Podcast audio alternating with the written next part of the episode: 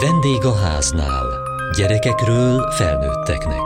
A Kossuth Rádió családi magazinja. Inkább rossz élményeim vannak a fogászatról, mert első helyen van ugye a kórház, a legdurvább, és utána jön ugye a fogászat. Legrosszabb élmény, egy fogorvos mondja, hogy, hogy akkor most húzassam ki a fogamat, és azt mondom, hogy át nem. Hányadik osztályos vagy? Ötödik osztályos vagyok. Amikor kicsi voltál, és elvittek a fogorvoshoz, és ez neked ilyen nagyon rossz élmény volt, az hogy volt? Kisgyerek voltam, van egy fogam, amelyik ugye le van törve, és mindig belemegy ilyen kajamaradék, és az ingyen szokott úgymond begyulladni, és elmentünk a fogászathoz, és ki akarták húzatni, hogy akkor ne legyen már semmi baj belőle, hanem akkor az egész legyen elfeledve, és akkor kihúzzák. Nem akartam, és ellenkeztem is. Tényleg már mindent akartak csinálni a fogorvosok, hogy segítsenek nekem, hogy rávegyenek. Nem akartam tényleg, hát rosszul viselkedtem, de tényleg én, én nem bírom a fogászatot. Ez nekem majdnem ugyanolyan, mint a kórház. Én nem bírom az ilyet. Először még ugye ellenkeztem szóval, utána már amikor nagyon rá akartak venni, akkor már így közelebb került ugye a fogó, akkor már tényleg nagyon ellenkeztem, és már el is mentem onnan a székbe, elugrottam, hogy engem nehogy bántsanak. Kevésbé félünk attól, amit ismerünk. Így van ez az elkerülhetetlen fogászati kezelésekkel is, különösen, ha gyerekekről van szó. Vannak, akik az átlagosnál is nehezebben viselik ezeket a helyzeteket. A Budapesti Betesda Gyermekkórház sajátos nevelési igényű gyermekekre specializálódott fogászatán, altatásban őket is tudják gyógyítani. Egy új mesekönyv pedig részletesen bemutatja, hogy mi fog történni velük a kórházban.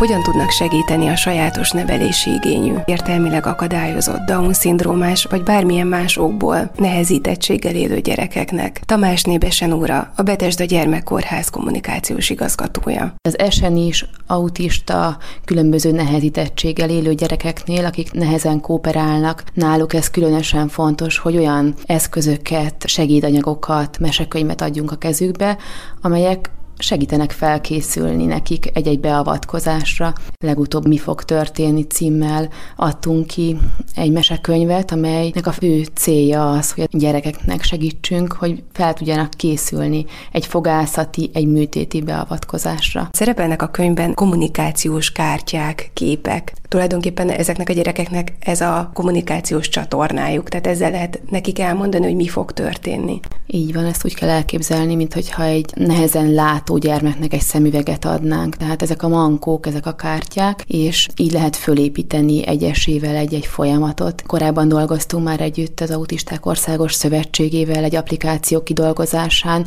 ahol a különböző folyamatokat, akár egy egyszerű vérvétel felvettünk videóra, és ugyanígy ilyen kártyákkal megjelenítettünk, és már ott is volt egy tapasztalat ebben, hogy hogyan tudunk másképpen kommunikálni az ő igényeiknek megfelelően ezekről a beavatkozásokról, és ezeket is felhasználni használtuk ebben a mesekönyvben, és nagyon fontos, hogy külön szaklektor segített az autizmus specifikus képek elkészítésében, tehát hogy ez valódi segítség legyen. Zékis Adrien több mesekönyv szerzője, és a felnőtteknek is írt az autizmussal kapcsolatban. A Mi fog történni című kiadvány, amely a fogászati kezelésről szól, nem véletlenül született, hiszen önnek is volt tapasztalata erről. 2018-ban szorultunk először segítségre a kisfiam kapcsán, ugyanis úgy nőttek ki a csontfogai, hogy a tejfogai nem estek ki. Én szülőként egyből pánikba estem, elképzelni nem tudtam, hogy az én nem beszélő, nem együttműködő működő autista kisfiammal, hogyan fogunk egy ilyen fogászati kezelésen egyáltalán részt venni. És akkor hallottam először a Betesda kórháznak az eseni fogászatáról, és ugyan nagyon félve, de mégis azt mondtam, hogy egy életem, egy halálom, muszáj megpróbálnunk, valahogy segíteni kell a kisfiamnak, hogy ez a probléma megoldódjon. Egy rettentő empatikus, elfogadó közegbe érkeztünk, ahol a gyermekemnek is segítettek, és engem szülőként is támogattak a kórház dolgozói. Amikor a kommunikációban akadályozottság van, akkor ugye próbálunk valahogy segíteni a gyermeknek, és azzal, hogy vizuálisan, képekkel, rajzokkal neki leírjuk, megmutatjuk, hogy hogy mi fog történni, az egy hatalmas segítség, úgyhogy egy rutinos autista gyermeket nevelő anyuka bárhova megy, akkor egyfolytában készíti a fényképeket, itt például a korteremről, a hordágyról, tehát mindenről, ami tudtam, hogy ha vissza kell majd jönnünk, akkor segítség lesz, hogy meg tudom csinálni a kisfiamnak a napi rendet a valós helyszíni képekkel. Ezeket a képeket felcímkézi az ember, tehát egy nagyon-nagyon rövid szóval vagy kifejezéssel leírja az adott lépést, hogy például várakozunk a pultnál, aztán kinyomtatjuk, kivágjuk, lamináljuk, hogy, hogy egy kicsit tartós legyen, hogy véletlenül se történhessen meg az, hogy széttépi a gyerek, és akkor már volt, nincs vizuális segédeszközünk, és akkor így felkészülünk az egész napra, amire tudunk, mert nyilvánvalóan mindenre én sem tudok, hiszen azt szülőként, hogy a műtőajtó bezárása után mi történik a gyermekemmel, azt én sem tudtam mielőtt eljött a műtét napja, nyilván kellett valamilyen előzetes vizsgálat. Ezt hogy oldották meg? Hát ezt úgy, hogy anyuka gyakorol otthon a tükör előtt, és nagyra tátjuk a szánkat, és jutalmazom minden egyes szájtátásért a gyermekemet. A doktor bácsit megkerestem a Google segítségével az internetről, letöltöttem egy random képet egy fogászati székről, hogy abba kell majd beleülni, és erre így készítettem fel a gyermeket, de nagyon nagy szerencsé szerencsénk volt, mert Jáki doktor úr, aki ugye a mesekönyvnek is főszereplője,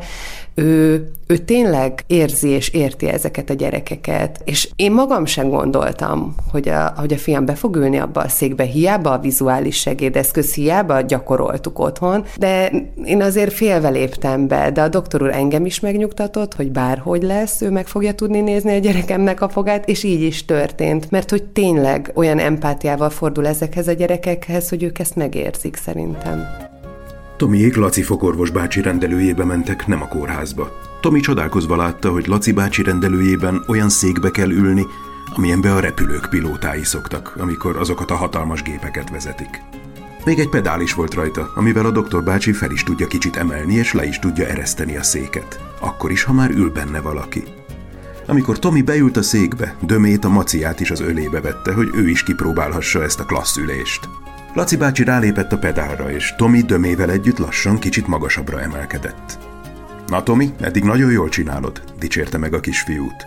Most azt szeretném kérni, hogy nyisd ki olyan nagyra a szádat, mint egy oroszlán.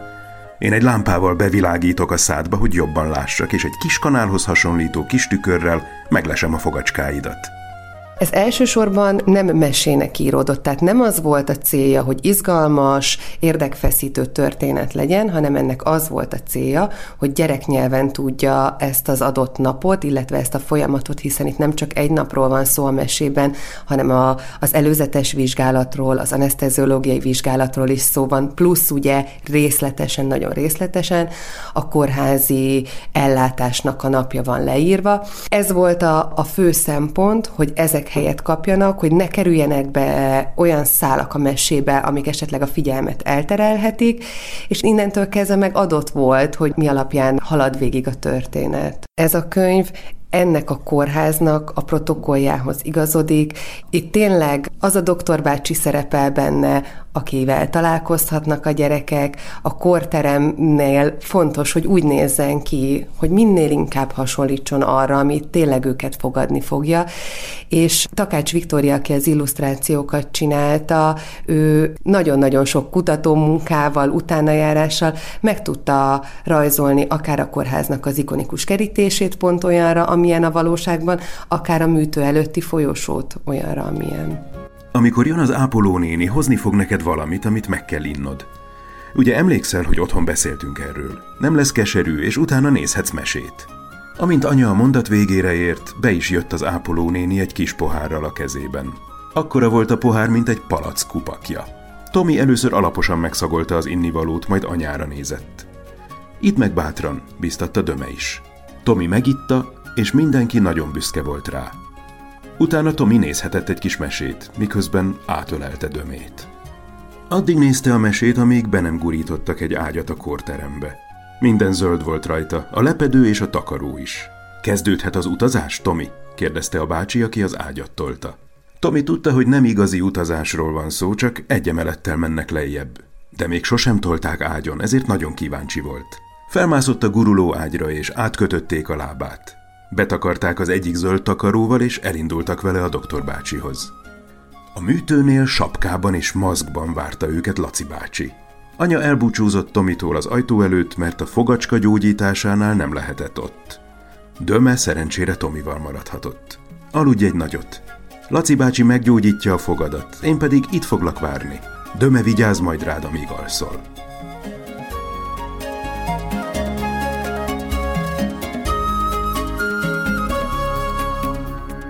Jáki László, a Betesda Gyermekkórház eseni fogászatának ambulancia vezető főorvosa. Itt van előttem a Mi fog történni című könyvecske, amiben a doktor urat Laci bácsinak hívják, nem véletlenül, hiszen a szerző őrről mintázta ezt a szereplőt. Mit szólt ehhez a könyvhöz? Nagyon örültem neki. A vizsgálatkor mindig részletesen elmondjuk, hogy mi fog történni. Nyilvánvalóan a szülők nyelvén és a szülőknek szólóan. Azért az a tapasztalat, hogy minden egyes orvosi találkozás olyan olyan izgalommal jár, hogy az ott elhangzott információk azok nem feltétlenül maradnak meg száz százalékban.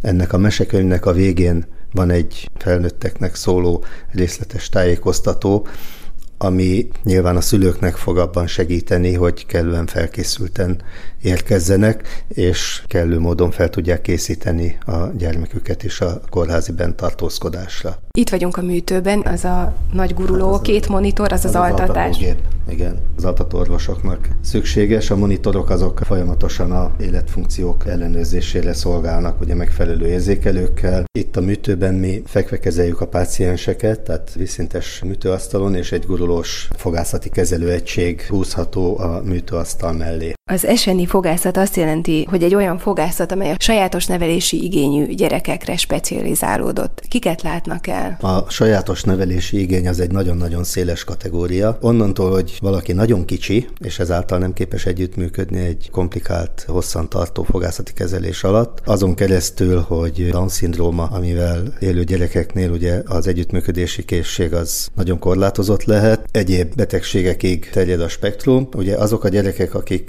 autizmus, vagy Asperger szindróma, vagy akár epilepsia okán kevésbé tudnak együttműködni, ők is ebbe a körbe tartoznak. Itt altatásban történnek a fogászati kezelések. Ez a lehetőség, hogy altatásban kezeljük őket, biztosítja a gyerek számára azt a nyugalmat, ami az ő pszichés állapotának szükséges, és biztosítja a fogorvos tímnek is azt a nyugalmat, ami egy fogászati beavatkozáshoz szükséges. Ugye éles eszközökkel dolgozunk, a szájba forgó eszközökkel dolgozunk. A Betesda kórházba, ha valaki jelentkezik, akkor először megvizsgálják, és utána döntenek arról, hogy szükség van-e altatásos beavatkozásra.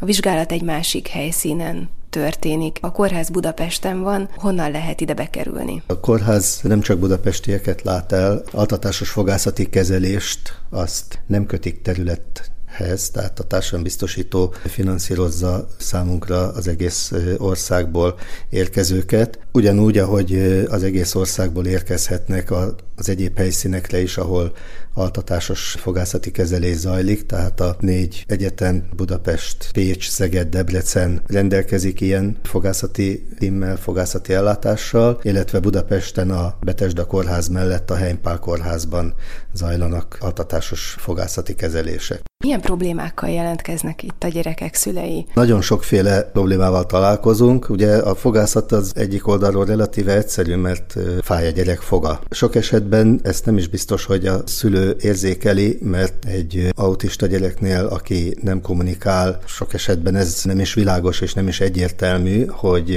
a gyerek megváltozott viselkedését azt mi okozza. Ha arra gyanakszanak, hogy akár a fogával lehet probléma, akkor nyilvánvaló egy fogászati vizsgálat ezt meg tudja erősíteni, vagy ki tudja zárni. Látható problémák is előfordulnak, azok nyilván egyértelműbbek, egyszerűbbek. Azoknál a gyerekeknél, akik a fogászati kezelésben nem képesek együttműködni, sok esetben az otthoni fogápolásban sem képesek együttműködni. Nyilvánvaló ilyen környezetben a fogászati problémák azok fokozottan jelentkeznek. Hány gyereket tudnak ellátni? Kezelés az a társadalombiztosító által finanszírozott, ezáltal sajnos a mennyiség a társadalombiztosító által limitált. A Betesda kórháznak havi 13 gyerek ellátására biztosít a társadalombiztosító pénzügyi fedezetet. Vizsgálatra az elmúlt évben 400 feletti páciensünk jelentkezett. A jelentkezőknek a fele körülbelül az, akinél indokolt a fogászati ellátás altatásban. A másik felénél vagy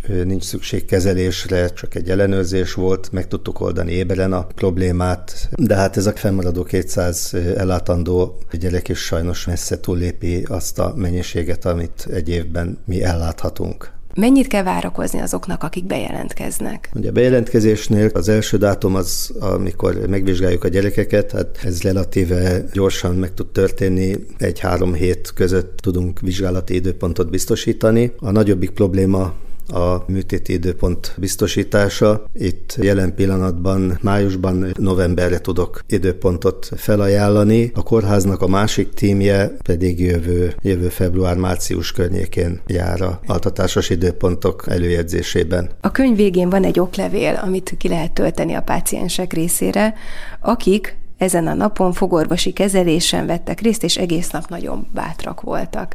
Most is fekszenek itt a szomszédszobában olyan gyerekek, akiket ön ma műtött. Igen, ugye az egész nap bátrak voltak, ez azért fontos, mert ez egy egész napos program. Tehát reggel érkezik, idegen helyzet, várakozik, utána lekerül a kezelőhelyiségbe, felébred megint egy idegen helyen, utána visszakerül az osztályra, tehát egész napos bátorságra van szükség, hogy ezt a sok helyszínt és a sok helyzetet végig tudják ők csinálni.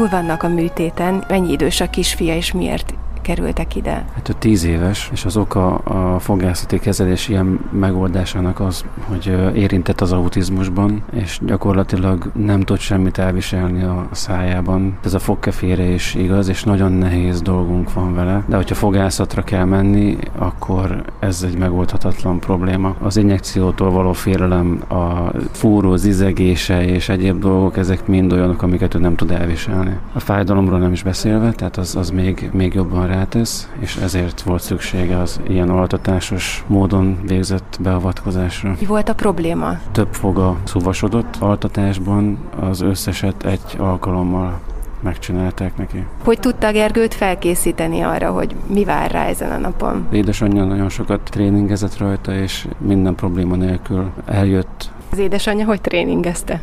Hát ez a folyamatos ismeretátadás, hogy mi történik. Nyilván nem az orvosi részletekbe, megyünk bele, hanem hogy előtte és utána mi történik, és fontos az, hogy lássa, hogy milyen haszna származik belőle. Ugye a feleségem egyik barátnője egy fogklinikán kezdett el dolgozni, akik rendkívül gyermekbarát eh, módon közelítik meg a kezeléseket, és eh, egy hatalmas nagy műfogot hozott el, amin a fogszúvasodást is lehet szemléltetni, a fúrást, a tömést, a kezeléseket tehát hogy teljesen átlássa a gyermek, hogy, hogy mi is történik a fog gyógyításakor. Ez szintén nagyon nagyban hozzájárult ahhoz, hogy pozitívan tudjon most ehhez viszonyulni. Lányát műtötték ma? Igen, 11 éves, középsős értelmi fogyatékos autista, és lyukasak voltak a fogai. Ez hogy derült ki? Hát én észrevettem, és tudtuk, hogy van ez a lehetőség itt a Betesda kórházban. Felhívtam az öseni fogászatot, és ezt követően kaptunk időpontot a Jelki doktor úrhoz, és ott kaptunk időpontot a műtétre. Úgyhogy nagyon flottul ment minden. Reggel jöttek, és most már kora délután már végeztek is.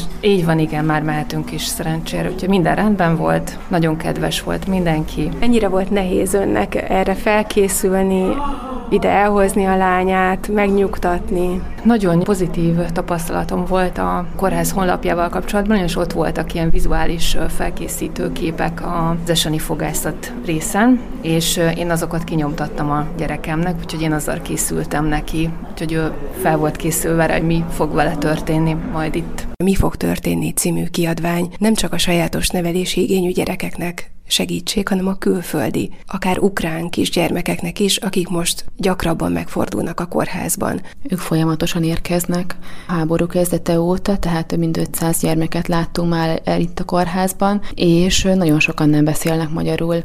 Vannak Kárpátaljáról érkezők, velük könnyebb a verbális kommunikáció, de az ukrán kisgyermekek ugyanúgy gyerekek, ugyanúgy nem tudják, hogy milyen lesz egy vérvétel, vagy akár egy műtét.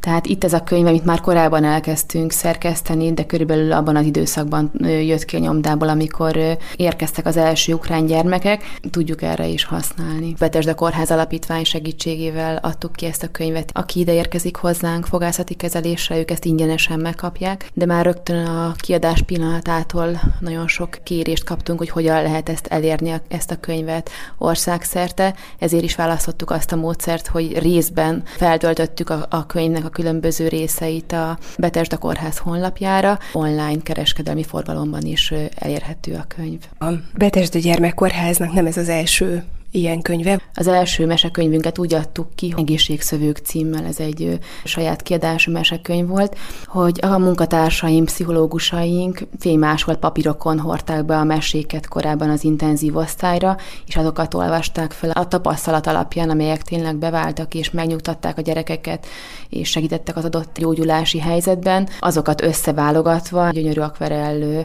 festésű kiadványban jelenítettük meg, ezt minden hosszan bent fekvő gyermek megkapja a kórházunkban. Utána eltelt egy kis idő, és azt az igényt láttuk, főleg a COVID elején, hogy a gyerekek nem tudtak kimozdulni, nem tudtak elmenni a különböző fejlesztésekre, és nagyon sok anyuka fordult hozzánk segítségért, hogy mit tudnak ilyenkor tenni. És kiadtunk egy olyan könyvet Mocorgó címmel, ami a gyerekek mozgás fejlődéséről szól, de ez egy közös játékos könyv, ami nullától 12 éves korig segít a családoknak, gyerekeknek, szülőknek felismerni, hogy valóban mi a probléma, ha van probléma, mivel kell szakemberhez fordulni, de olyan játékokat is tartalmaz, amelyek egyszerűen csak az iskolára készítik föl őket, és játékos formában az ő fejlődésüket szolgálja. De adtunk már ki könyvet Diabsuli néven, diabétesszel élő gyerekeknek, ez inkább egy információs, edukáló könyv volt, amely mind szülőknek, mind gyerekeknek szól.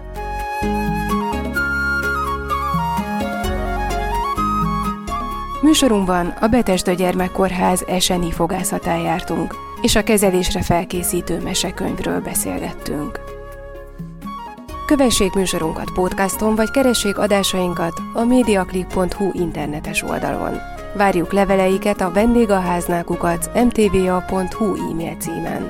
Műsorunk témáiról a Kossuth Rádió Facebook oldalán is olvashatnak. Elhangzott a vendégháznál. A riporter Kataluccio Andrea, Diós Judit, közreműködött Süveges Gergő. A gyártásvezető Mali Andrea szerkesztette Diós Judit. A felelős szerkesztő Hegyesi Gabriella.